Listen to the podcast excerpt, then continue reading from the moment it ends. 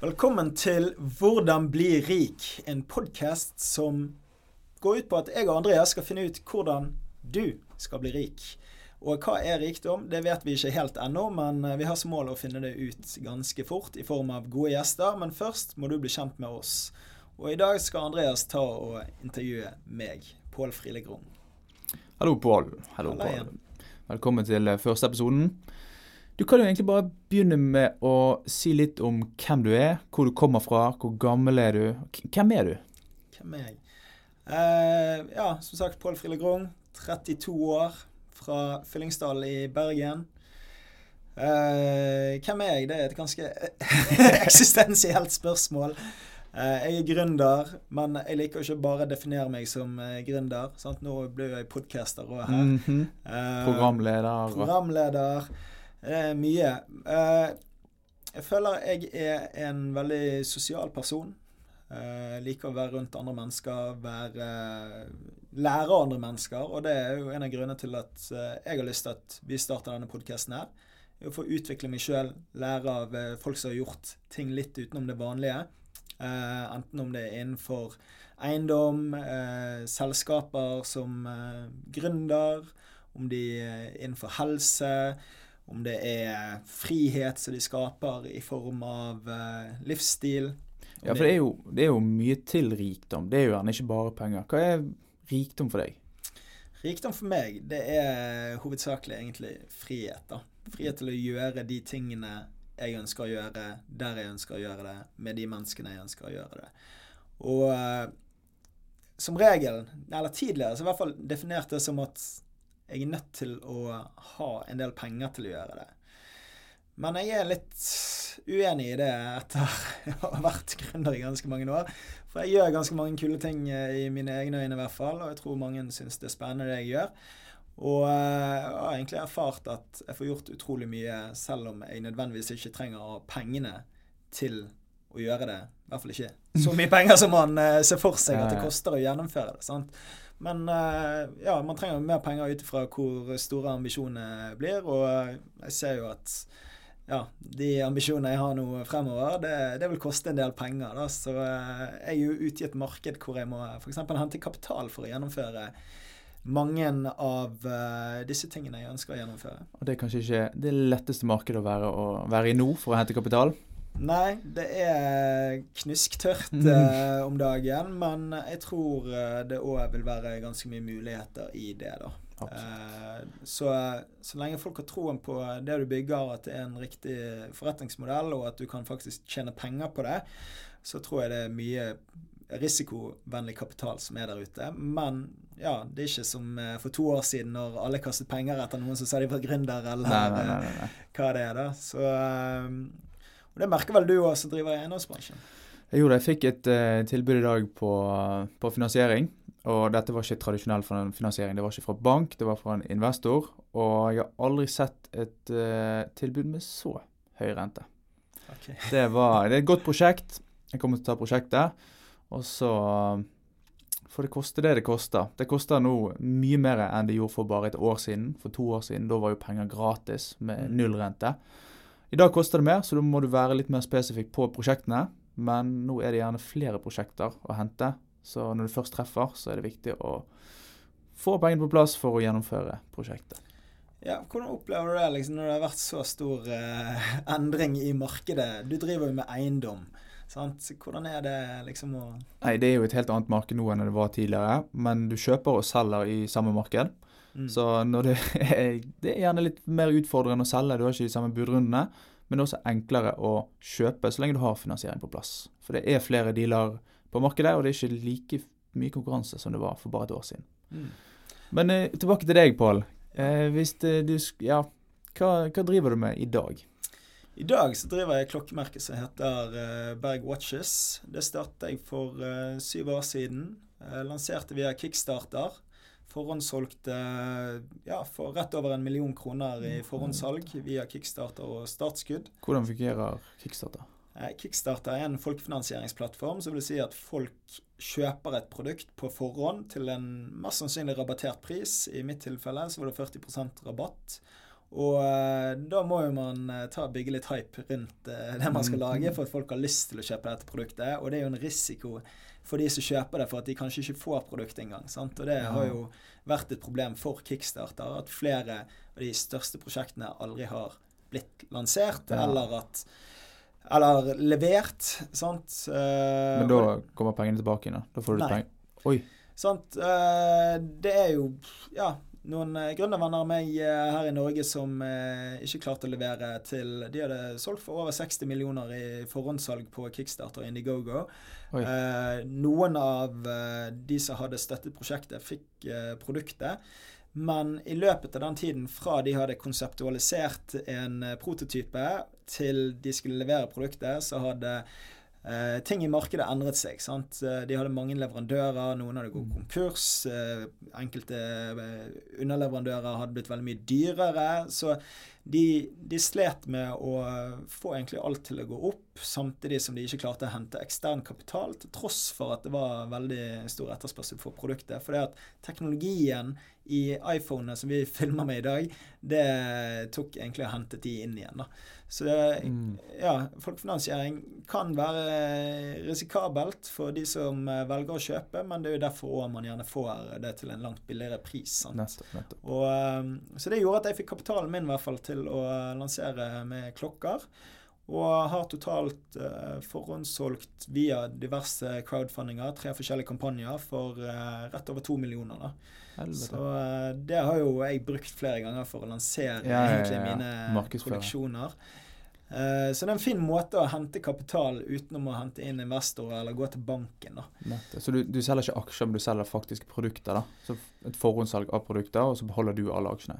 Ja, det blir nesten litt sånn som du driver med Du går til banken og du skal betale renter til banken. sant? Jeg gir Mm. rabatter til kunden i motsatt retning. sant? Så vi gir en del av produktet eller verdien Ja. av det vi driver med, tilbake til noen i bytte mot kapital. Ja. Så eh, ja, det, det finnes jo mange for, forskjellige måter å crowdfunde på. Det som har blitt veldig kjent i Norge i det siste, det er to forskjellige måter. Den ene går jo inn mot eiendom, som er lånefinansiert eh, folkefinansiering.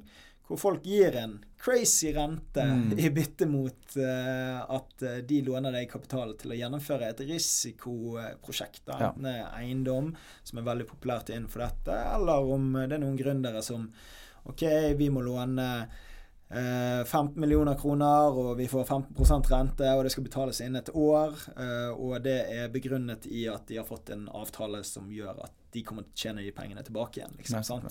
Men en ingen- bank vil ikke de, gi de de pengene. Så det er et alternativ til det som finnes i markedet. da. Eh, Litt mer høy risiko, da. Og gjerne Ja. uten sikkerhet. Eh, ja, gjerne uten sikkerhet òg. så det er jo eh, risikabelt for alle parter. Men eh, plattformen skal jo som regel ta og sjekke risikoen i det og ta og eh, grade egentlig nivået av det. Sant? Og så har du eh, siste formen for folkefinansiering. Det er eh, equity-basert. Det vil si at du, eh, du får aksjer Mm. i bytte mot eh, pengene du gir til et selskap. Så hvis du har et vekstselskap som trenger kapital for å vokse videre, så kan du investere i det. Så lite som kanskje 1000 kroner eller 5000 kroner. Og så blir du en liten aksjonær for å være med på den reisen. Kanskje du får noen fordeler. Hvis jeg skulle hatt eh, en eh, Dealflow-kampanje f.eks., så ville jeg gitt de som er eiere i selskapet, en rabattkode. da, Sånn at de kan kjøpe produktene. Men de kan òg være ambassadører til sine venner igjen Ja, for produktet. Og fremsnakke det, vise det frem. Lage innhold på sosiale medier. Sant? Eh, Gi reviews på eh, ja, diverse kanaler som eh, gjør at ja, produktet og eh, selskapet kan vokse da, og Men- bli kjent. Hvordan kom du inn på akkurat klokka? Hvorfor, hvorfor Berg Watches? Jeg startet i 2014 sammen med en av mine beste venner, et selskap som het eh, Lustbox. Det Mm. var tilbehør for menn. Da hadde vi tørklær sånn som dette her. Eh, dette er fra den eh, tiden, faktisk. Ok, artig. Og det var ditt første selskap? Det var mitt første eh, selskap, ja. Var jeg 23 år gammel. Og eh, da jobbet vi mye med Daniel Wellington og Movement Watches. da, Så vi fikk utrolig mye samples, eller klokker, sendt til Ja. oss. Så dere, men solgte dere disse klokkene i boksene deres? Nei, vi ga de vekk.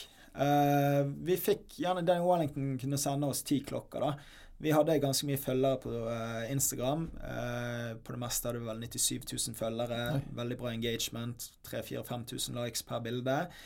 Og Så de ville jo at vi skulle egentlig bare markedsføre det. Og så tok vi disse klokkene, puttet de inn i random kunder sine bokser. Sant? Så ikke nok med at du vanligvis fikk to eller tre ganger det du betalte for det i verdi da, i boksen. Mm, Nå plutselig kunne du få en klokke til eh, 1500 eller 2000 kroner. sant? kult. Så det var kult. Og så fikk vi noen klokker sjøl som vi brukte. Og da var det enkelte ting jeg ønsket å fikse med de klokkene. da, sånn som eh, å, jeg likte, Det er ikke så kult når du driver med mote og du skal ta bilde av armbåndet ditt, liksom, og så er det riper i glasset ved siden av. og eh, Remmen eh, holdt ikke helt som man ønsket. Og eh, da ønsket jeg å fikse på de tingene, da. Og eh, ble spurt i ja, hva var det, 2016, i uh, juli 2016 så fikk jeg en melding klokken 11 på kvelden av Lasse Smedsvik som startet Adams matkasse, om jeg ville starte med klokker, og han kunne investere i det. Uh, da var jo de midt i dette Cutters-eventyret Mm. sitt, sant. Uh, og eh, det gikk jo enormt bra for de, og jeg skjønner jo at de valgte å prioritere Cutters, men jeg sluttet jo i jobben min dagen etter. Du gjorde det, ja. Ja. For å kjøre klokka på fulltid. Ja, for det Jeg var litt sånn eh, eksistensiell krise. Akkurat ferdig på BI. Mm. Vi hadde bestemt oss for å selge Lustbox, da. Og eh, da var det å finne ut hva Hva skal jeg gjøre fremover, sant? Mm. Før vi går videre da. hvordan gikk det med salget av Lustbox? Eh, salg av Lustbox det gikk for så vidt veldig bra. Eh, vi fikk eh, pengene våre igjen og litt til. Eh, det tok et år. Det tok litt over et år, faktisk. Det som var veldig viktig for oss, det var jo å finne en eier som ønsket å ta vare på dette og bygge det videre. sant? Eh, det ja, følte vi vi fikk en, en eier som ønsket å gjøre det. Mm. Men uh, han innså at det var jævlig mye arbeid. da. så uh, det varte i seks måneder, så la han det ned. da. Hvor lang tid tok det fra dere startet det til dere solgte det? Tre år. Tre år.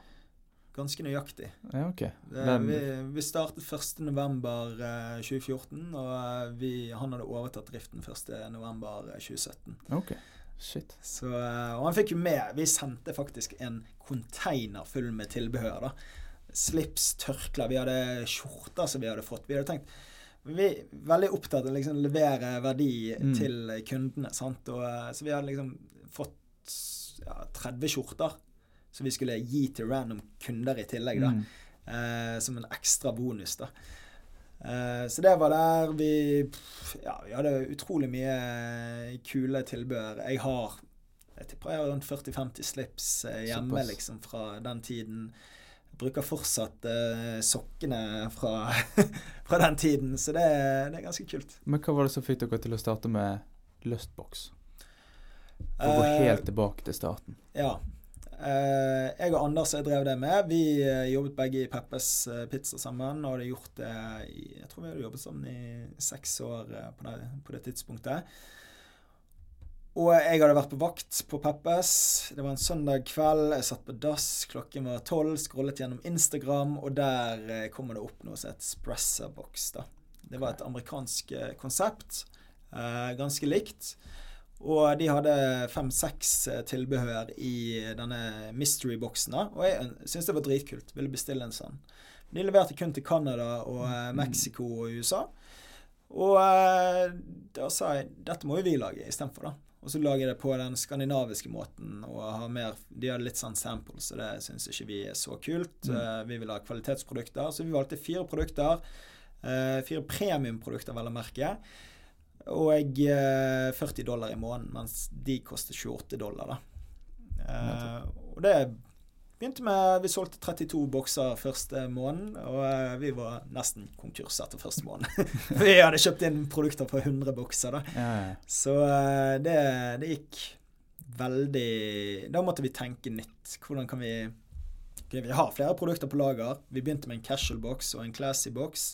Vi så at det var to stykker som kjøpte den der eh, casual-boksen, og det var eh, Ja, jeg tror det var stefaren til Anders og en uh, mm -hmm. random keys. Ja. Og så bare switchet vi litt om på produktene. Vi hadde noen sokker som kom inn fra en annen leverandør. Og da klarte vi å holde det gående en måned til. Og så bestilte vi akkurat uh, nok til å kunne holde det gående enda en måned. Og så fikk jeg feriepengene mine, puttet alle de inn i der.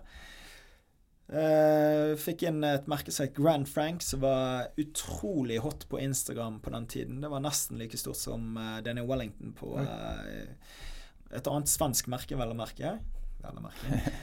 Og ja, det, det, var sånn Alle våre følgere de visste veldig godt hvem det, ja, Grand Frank var, da. Mm. og hvor dyrt det var i forhold til ja, produktene som kom, og at ingen av konkurrentene våre jobbet med dette merket. Ja, så det gjorde jo at vi tjente ingen penger på å ha eh, de produktene inni der. Vi måtte selge ut alt. Og hvis ikke, så var det helt krise. Og vi klarte å selge ut alle de produktene. Og det skapte at vi gikk fra at ok, vi hadde 32 bokser, vi hadde 40 bokser, 45 bokser, 50 bokser, 50 bokser, til plutselig bare 110 bokser. Sant? Fra en måned til en annen. Og dette var abonnementstjeneste. sant? Og det er veldig vanskelig å bestille inn produkter, for du må alltid ha det mm, frem i tid. Mm. Uh, og da kom den katalysatoren som bare OK, 50, 110, 140, 180, 220, 280, 350. Sant? Mm. Så uh, Hvordan fikk dere inn disse kundene? Instagram. Vi gjør alt på Instagram. Hva gjorde dere på Insta? Uh, dette var jo 2014-2015, sant. Uh, bygget det opp. Eh, jeg brukte seks timer av dagen min på eh, follow for unfollow mm, på Instagram. Ja. Og eh, det vokste vi ganske fort på. det gjorde jeg frem til vi hadde 50 000 følgere. Etter Oi. det så vokste vi organisk. Ja. og vi kjøpte i tillegg annonser på noen av de største motekontoene på Instagram. da. Okay. Men with Class, Men with Street Style. High Fashion Men, Men's Fashion Post, uh, mange andre kontoer med flere millioner følgere. Og det kunne gjøre at vi solgte ti nye bokser, abonnementer og mm. sånt. Uh, jeg tror at vi var litt tidlig på den trenden. Uh, teknologien var ikke helt kommet for abonnementstjenester. så vår største utfordring det var ikke at kundene våre sa opp abonnementet sitt. Det var faktisk at kortene gikk ut på dato. Oi, ja. og, og, at når det ja, det var litt stress, og jeg skulle gå inn, melde seg opp igjen, og så plutselig sitter du der og så bare ja, men 'Jeg har jo fått en del slips, og jeg har en del mm. sokker, skal jeg bruke 40 dollar i måneden på dette?' her, mm. sant? Så uh, det var jo utfordringen. Og uh, ja, utrolig kul business. Kunne nok uh, fungert med litt mer erfaring. Mm. Men det var jo det som gjorde at jeg hadde kunnskapen innenfor netthandel ja, og innkjøp til å kunne starte med klokker. Men hvor solgte dere mest i, i Europa? Eller var det kun Norge? Nei, vi solgte over hele verden, vi. Så vi, jeg tror vi hadde kunder i over 40 land. Uh, vi hadde solgt til Sør-Afrika. Sør vi hadde ti kunder i India. Da måtte vi kutte ut India fordi at uh, halvparten sa de ikke fikk produktet. Ja, måtte refundere de, så da tapte vi penger. sant? Uh, vi hadde kunder i Chile, Brasil, Gibraltar. Kult. Det syns jeg var fett. Kult, kult. Uh, USA, UK, Sverige og Norge var egentlig de største markedene. da. Heftig. Men hvordan, altså logistikken på det? Hadde dere et eget lite lager som dere, eller det ble jo stort etter hvert? Det begynte hjemme i stuen min, egentlig. Jeg satt der og brettet bokser, eh, stemplet hver eneste boks. Eh, seks stempel på hver eneste. Jeg brukte klesstativet mitt til å la de tørke, de her mm. boksene. Brette de. Uh, vi hadde silkepapir inni med logoen vår, som vi hadde bestilt inn.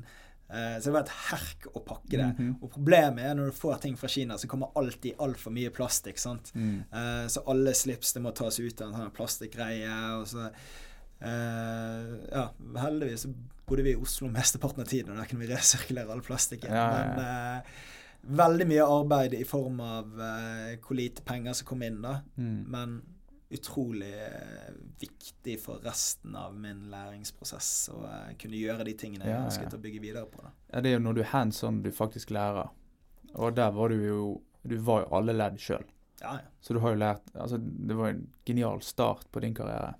Ja, og vi, vi jobbet jo med eh, over 60 forskjellige klesmerker fra mm. hele verden.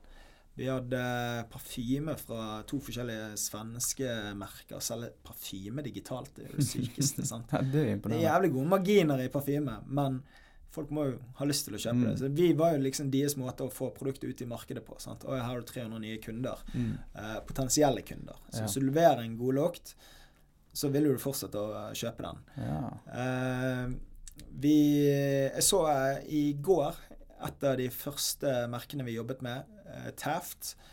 De eh, solgte i Han har sin siste dag på fredag. De har solgt hele selskapet. Han Cody som var der, han vant eh, Ernst Young sin eh, Entrepreneur of the Year i Utah, USA Award. Og de har bygget et gigantisk skomerke. De begynte ett år før oss, eh, og eh, de begynte med no-show-sokker. De lanserte òg via Kickstarter, så det er litt kult. Ja, gøy. Men han har bygget ja, Jeg tipper de omsetter for rundt en halv eh, milliard i året på Å, sko. Kult, kult. Uh, og eh, det blir spennende å se hvordan hans skomerke er uten han. Ja, For han er jo brandet. Ja. Og det er jo ofte problemet sant? når du Ja. skal skille deg fra de tingene. Til og med bestefaren hans er en del av brandet. Og det er en sko oppkalt etter han, og bestefaren er en modell i mange av reelsene på kult, Insta. Kult. Så det er fett. Ja. Og hvordan tok dette deg eh, da Altså, hva følte du du kunne ta med herfra og inn i klokkeverden? Ja. Eh, innkjøp. Mhm. Eh, jobbe med leverandører var sant? Jeg har jo produksjon i Norge, i Kina, Island, eh, Sveits og i eh, Kina Mm. På klokkene nå. på klokkene. Ja. Og eh, vi hadde Vi hadde jo leverandører fra hele verden med Lustbox, men Mm. eh, på slutten så jobbet vi veldig mye inn mot Kina eh, fordi vi ønsket å uppe vår kvalitet. da. Så istedenfor at du får et eh, bomullstørkle, så kunne du få et silketørkle. sant? Ja. Det er litt fetere å eh, liksom få. Dette er noe du betaler 600 kroner for Mm.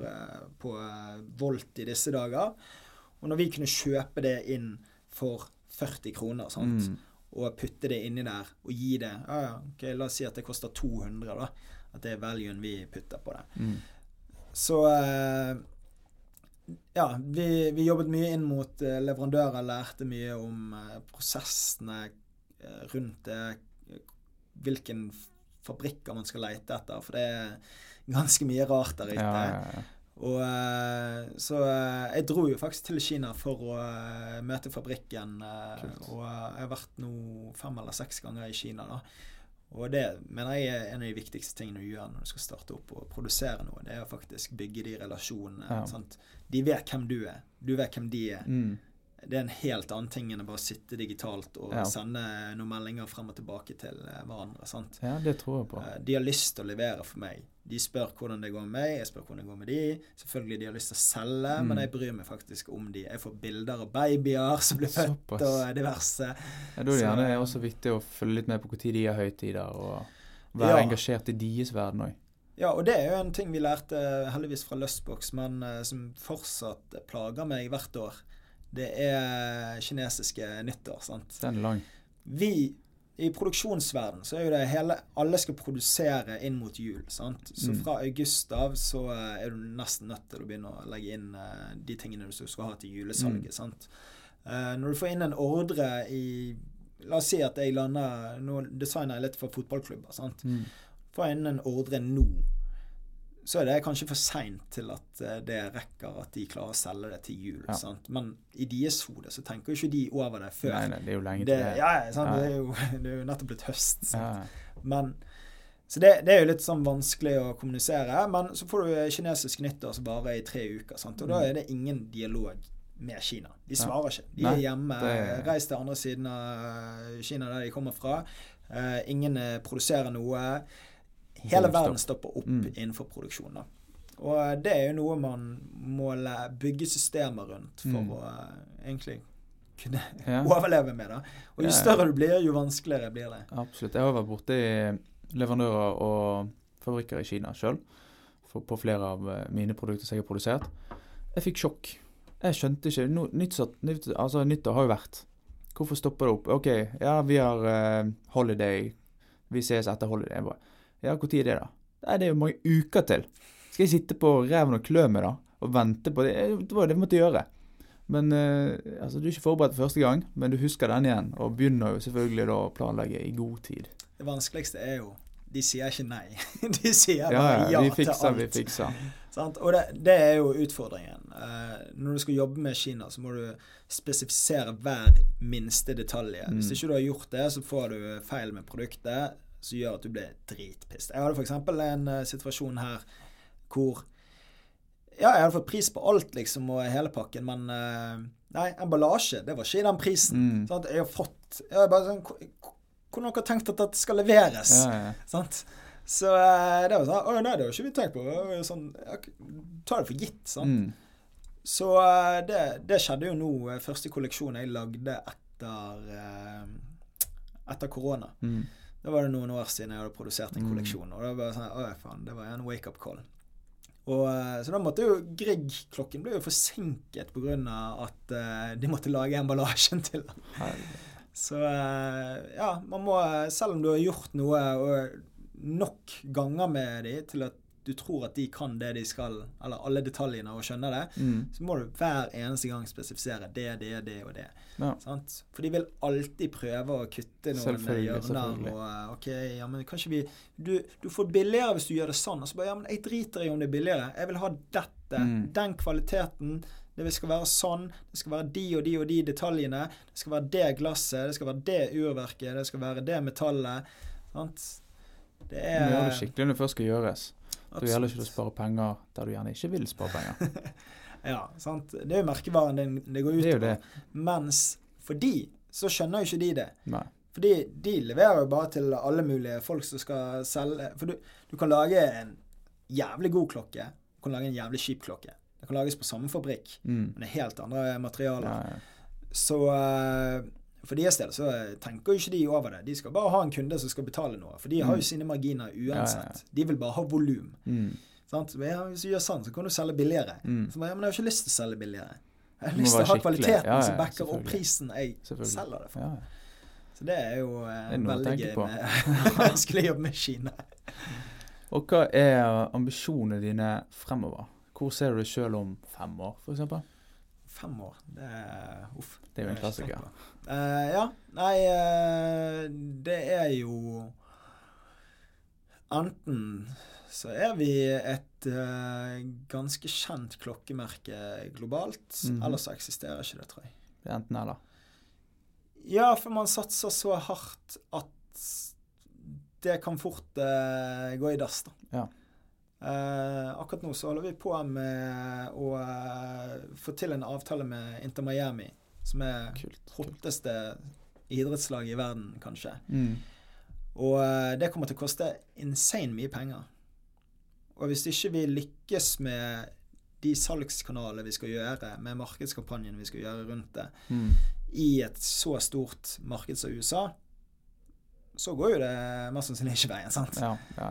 Eh, så ja, det er jo man, man tar jo risiko, og så må man prøve å ta en kalkulert nok risiko. Ja? Så Man sitter jo med likviditetsbudsjetter opp og ned og vil Mm. planlegge, men du har jo ikke peiling før du sitter i det, og i det markedet. og sant? Jeg, jeg har bodd mye i USA, men jeg vet ikke hvordan amerikanerne vil motta et slikt produkt. Og vi Mm. designer nå fanklokker for uh, fotballklubber rundt omkring i verden.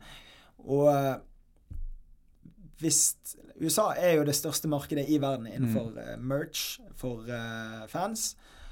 Men det er ingen som har gjort klokker på den måten vi gjør klokker, da. Uh, som er for hvermannsfans, Mm. da. Sånn du har Tag Hoier, du har Hublå som gjør innenfor fotball.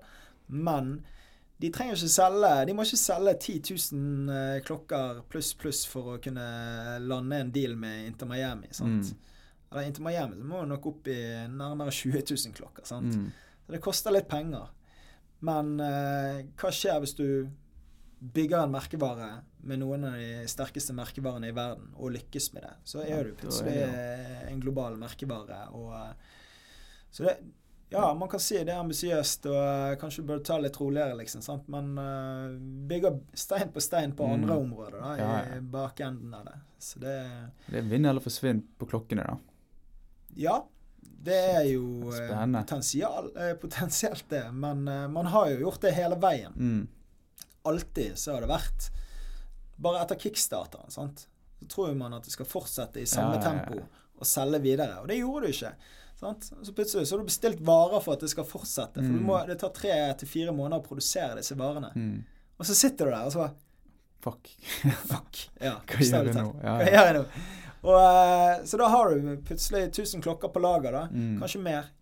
Uh, og det tilsvarer ganske mye penger. Og så kommer momsregningen, da. Mm. Så du ikke helt har kalkulert inn at det skal være så stor som man blir. Og da er det noen hundre tusen. Ja, ja, Og så bare, hvordan løser du dette? Da ringer han en fyr fra Nigeria da, og sier han skal ha 100 klokker. Og sier nei, det går ikke, du må ha 300 klokker. Ja, Så ender han opp med å kjøpe 200 klokker. Så, kult. uten han så hadde jeg ikke betalt uh, momsregningen min. Hvor, kom han Hvor dukket han fra? Nei, jeg hadde markedsført i Norwegian sitt magasin da, på, uh, om bord i flyet. Og så hadde han sett det. Så han først bestilt uh, 20 Nei, 9 klokker. Ja. Jeg trodde det var svindel. Mm. Alt tydet på det var svindel. Kansellerte ordren. Sendte han en mail dagen etter og sa Beklager, men jeg må kansellere ordren din pga. det og det og det. Så ringte han meg da noen dager etterpå på mandagen bare sånn I still want my watches. Jeg bare Hæ? Nei, ok, nei, han skulle ha klokkene. Og så bare var han med en bergenser. Så sa nei, for å si det sånn, han har mer enn nok penger. Og de var på vei inn til Exxon, verdens største oljeselskap, Oi. og eh, er stor i oljeindustrien i Nigeria. Så jeg leverte de klokkene til han, og uh, han ringte meg to måneder etterpå og bare 'Jeg vil ha ja, uh, 100 klokker.' Og så sier det går ikke. Med hans logo, da. Ja. Firmalogo. Å ja, okay. uh, og så sier han 'Jeg er i Bergen i morgen. Møt meg på Flesland flyplass på eh, det og det hotellet.' Jeg bare OK. kommer i full dress. Ja, Han eh, kommer i Arsenal-drakt. ja. Men eh, ja, han er oppe med å selge 200 klokker til han. Til, skulle han ha til arbeiderne sine, Ja. Ja. Det sto uh, uh, 'Most Loyal Service Reward' inngravert på baksiden. Heftig. Så uh, ja, han er ganske fornøyd med en- folk fra Nigeria. Ja, tok den momsen, han. ja, så eh, Og det, sånn er jo det hele veien. sant? Du, du satser 'Å ja, det funker ikke', men så plutselig så dukker det opp noe som gjør at du tjener noen penger her, og så kommer 'Å ja, det gikk riktig vei, det gikk ikke riktig vei'. Og så må man håpe at det går eh, i en Mm. sånn stigende kurve, da, istedenfor at det Ja, går i en negativ kurve. Det er en jungel som du må navigere deg rundt i. Ja, og jo lengre du er i markedet, jo mer tiltrekker du deg på en måte, da. Mm. Dette har jeg ikke sagt noe sted før, men uh, i oktober i fjor så fikk jeg et tilbud om å selge Berg, da, klokkeselskapet mitt, til to millioner euro. Oi da. Og det takket du nei til. Ja. Da tok jeg meg en dusj. og så Oi, oi, oi. kom jeg ut av dusjen, og så sendte jeg en melding til uh, han fyren på WhatsApp, og så sa jeg uh, Kom tilbake med fire millioner euro, så kan vi vurdere å snakke om det. Ja. For det, det er sånn OK, hva endrer to millioner euro Ja, ja. i livet mitt? sant? Hva, jeg har det gøy om dagen. OK, jeg reiser jeg eh, jorden rundt. Jeg får besøke fotballklubber, alle de største fotballklubbene i verden, Mm. og VIP-opplevelser der. Det digger jeg. Jeg får designe. Jeg får eh, ja, gjøre alle de tingene jeg har lyst til å gjøre. Mm. Og de mister du jo, da, hvis du selger selskapet. Da Greit nok, du bytter jeg det mot penger. Ja. Men så er det sånn, OK.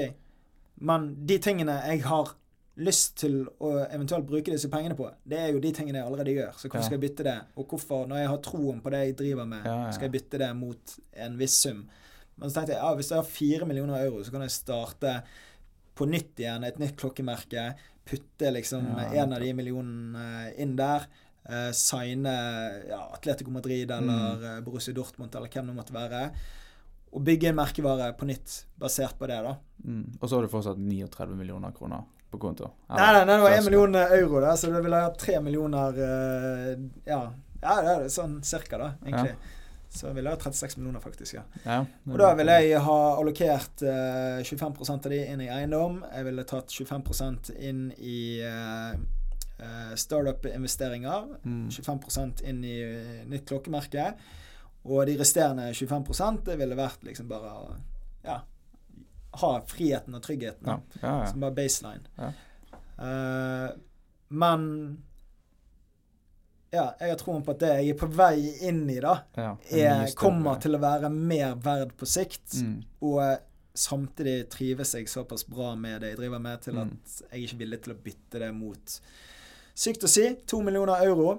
Det er mye Eh, det penger. er mye penger, og jeg har hatt folk som kom til meg er klar hva jeg kunne gjort med to millioner euro? Det kan sikkert du òg si. Jeg kunne hatt eh, Eh, gjort mye penger med to millioner. Nettopp, sant. Eh, så ah, jeg våkner jo av og til og bare faen, for en idiot du er.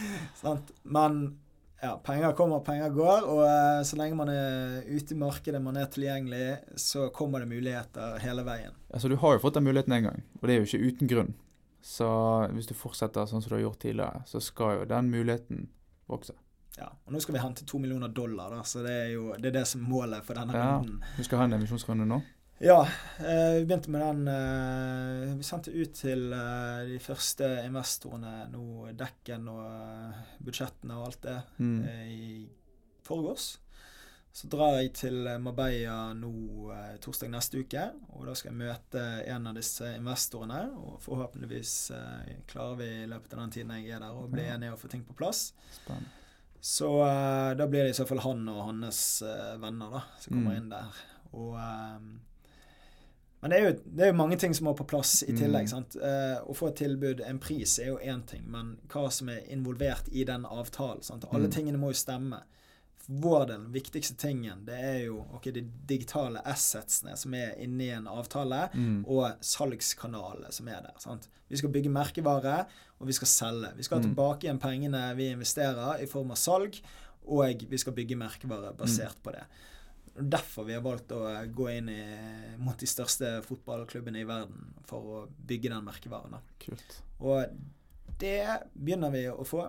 Eh, nå, man blir kontaktet av de største fotballklubbene i verden som ønsker å se på muligheten for hva man kan gjøre sammen. Mm. Jeg har møte med ja, Manchester City på eh, tirsdag. Tirsdag ja.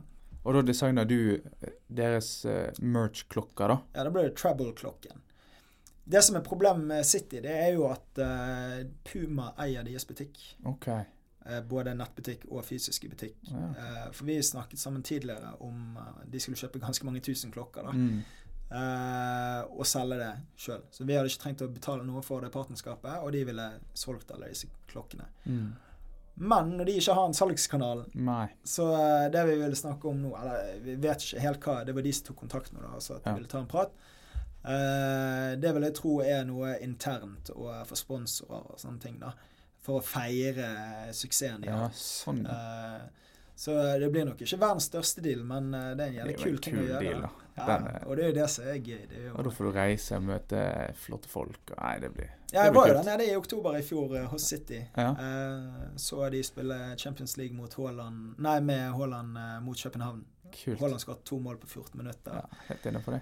Ja, var inne i italiensk restaurant inne i, eh, inne i stadion, og den VIP-opplevelsen. Så det var dritfett. Kult. Ja, det er mye gøy som kommer med. Det er jo ikke bare penger som er rikdom. Nei, det er jo akkurat det vi Ja. er her for å finne ut. sant? Hva, og det er derfor, som når jeg sier at jeg takker nei til to millioner euro, Mm. så er det jo grunn av at jeg verdsetter de andre tingene høyere enn penger, egentlig. sant? At uh, For meg så skaper det mer rikdom at jeg har alle disse forskjellige tingene som Mm.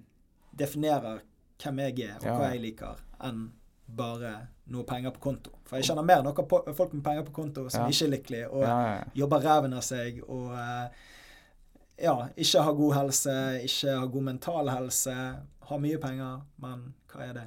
Hva er det? Og altså, bare nettverket er jo garantert verdt mer enn disse to millioner euroene. Nettverket du har, og nettverket du får videre med å drive Berg. Ja, sånn eh, Det er jo én ting innenfor fotball. Sant? Nå er vi, vi snakker om litt andre ting òg. Vi prøver oss inn i cricket i India, liksom. Sant? Så vi, Kult. verdens største cricketlag har sagt at de ønsker å uh, gjøre noe med oss, men vi vil ha en lokal aktør som selger det og gjør Ja, hele ja. Så det er jo noe vi jobber med òg. Men uh, ja, det, uansett, sant, på sikt så har jo man et av de største nettverkene kanskje Mm. i verden og innenfor sport. da. Mm. Eh, før i dag så fikk jeg en talentfull eh, motorsportsjåfør som tok kontakt med meg og spurte om eh, ja, vi ville sponse de. sant? Eh, vi har fått tilbud om å eh, være eh, sponsoren til eh, Norges største tennisstjerne. Vi har eh, fått eh, til ganske mye rart. sant? Eh, Men så må jo passe brand, og hva er Ja, vårt brand? sant? Vi er jo arbeiderklasse egentlig i form av pris. sant? Vi ligger ikke og selger i samme segment som Rolex og Tag Mm. Heuer og Hublot. Eh, så vi selger moteklokker hovedsakelig. sant? Klokker som skal se bra ut på hånden din, og eh, skal vare og eh, ja, se bra ut når du legger Ja. det ut på Instagram for den skal og- Og så er det jo unike klokker. Ja, Det er jo bergensklokker. Ja, norsk egentlig. sant? Vi har jo Ulriken er første, og vi har laget uh, sykkel-VM i Bergen. Den ble utsolgt på tolv dager. Uh, Birkebeinerklokken som jeg går med i dag. sant? Og det er jo inspirert av et uh, bilde fra da jeg gikk på barneskolen, når du leser liksom om eh, eh, vikingene, sant. Mm. Og så ser du det bildet, og så går Birkebeiner der på ski og Mm. bærer liksom eh, den fremtidige kongen av Norge, men de tar og flykter fra baglerne, som er Oslo-vikingene. Ja. Og de skal til Nidaros, altså Trondheim, for å døpe han om til konge, da, for det er foreldrene Ja. hans som ble drept. Så det er liksom sånn, noe som satt ved Ja. meg fra uh, barneskolen. Så jeg bare Kult. Faen, det har jeg lyst til å lage en klokke ut av. Så det Litt sånne ting. Fortelle historier gjennom uh, design. da. Og uh, at det skal se pent ut, og så skal det vare. Og så er det lakseskinn på ene klokken. Ja, vi har brukt veldig mye lakseskinn i Og det er kanskje det vi er mest kjent for. Ja. Uh, Det har jeg aldri sett noen andre bruke. Nei, det, det var noen som prøvde å kopiere det, men jeg Ja. tror de ga ganske fort opp. For det liksom, du kan liksom ikke stjele den eh, nisjen til Nei, noen. nei, nei. sant? Og så må du Eh, gjøre det skikkelig. Du ja. kan ikke bare ha eh, vanlig lakseskinn. Det må jo gjøres ordentlig. Så vi har jo begynt med norsk lakseskinn nå. Vi hadde opprinnelig islandsk. Mm. Eh, De som startet opp i Norge nå, de skrev masteroppgave om klokkene våre. Kult. Og det er ganske fett, ja. Mm. Så eh, eh, det er jo noe som er utrolig gøy, og eh, kontrasten mellom det minimalistiske og eh, røffe som er lakseskinnet, da, Mm. det, er- det er ganske unikt, da. Og så eksperimenterer vi nå med et uh, britisk uh, skinnselskap som lager uh, skinn ut av sopp. Så da lager de egentlig sånn der Som du baker en kake. da Putter Mm. det inn i ovnen, og så har de mikset sopp og litt andre ingredienser inni. Og det skal være 100 eh, vegansk Mm. og ingen plastikk involvert. Mm. Så det er jo fremtiden innenfor skinn. Eh, vi har vært så heldige fordi at jeg tok kontakt med dem. De ville egentlig ikke jobbe med noen sånn små aktører Mm. som oss. Men jeg sendte dem en melding på riktig tidspunkt. Traff de i London noen dager etterpå, og jeg eh, presenterte hele hva vi jobbet, visjonen vår, og de var ja, dette er dritfett. Eh, vi ønsker å jobbe med det. Og de har jo eh, signert intensjonsavtaler med to av verdens største luksusbilmerker. De har flere luksusklesmerker, sant. Eh, så jeg tror jo at skinn er noe vi kommer til å brande mye rundt fremover, da. Mm. At det, det begrenser hvor mye du kan designe rundt som er nytt nyttig innenfor en klokke. sant? Du kan fortelle historier, og eh, detaljene har en del av den historien. Men det er jo gjerne de andre materialene du òg gjør. sant? Mm. Eh, Hvordan du bygger opp det som er Kult. unike. Rått. Og før vi runder av her, så vil jeg gjerne høre litt om hva du har studert. Du har vært i New York, stemmer ikke det? Det stemmer. Eh, jeg har studert uh, mote i ett semester i New York. Mm. Uh, der eh, var egentlig bare planen. Det var jeg 21 år. Målet var å eh, dra bort der, shoppe og feste og spise god mat. Det gjorde jeg definitivt. Jeg fikk jobb som utelivspromotør der borte, og jeg bygget ganske stort nettverk både innenfor sport, men òg eh, business. Mm. Uh, jeg var ute 80 og 120 dager. Uh, så det var jo en periode av livet mitt hvor jeg drakk og hadde det kjekt uh, på den måten. Det har endret seg litt nå. Men så jeg studerte i New York, ja, gjorde det, motledelse. Og så studerte på BI, bachelor i økonomi og administrasjon med da bacheloroppgave i forretningsutvikling og teknologi. Som eh, egentlig var det eneste jeg syntes var gøy. eh, Ja. Var akkurat den delen Den som var bacheloroppgaven. da. Eh, jeg var aldri en god student. Nei. Eller var det i New York? Da Ja. fikk jeg noen gode karakterer. Ja, okay. Men eh, jeg eh, Jeg hadde f.eks. sosiale medier. da. Mm. På det tidspunktet så hadde vi 29 000 eh, følgere på Instagram, mens læreren vår hadde 500. Hvem er vi? eh, Løsboks, da. Ja, ok. Ja.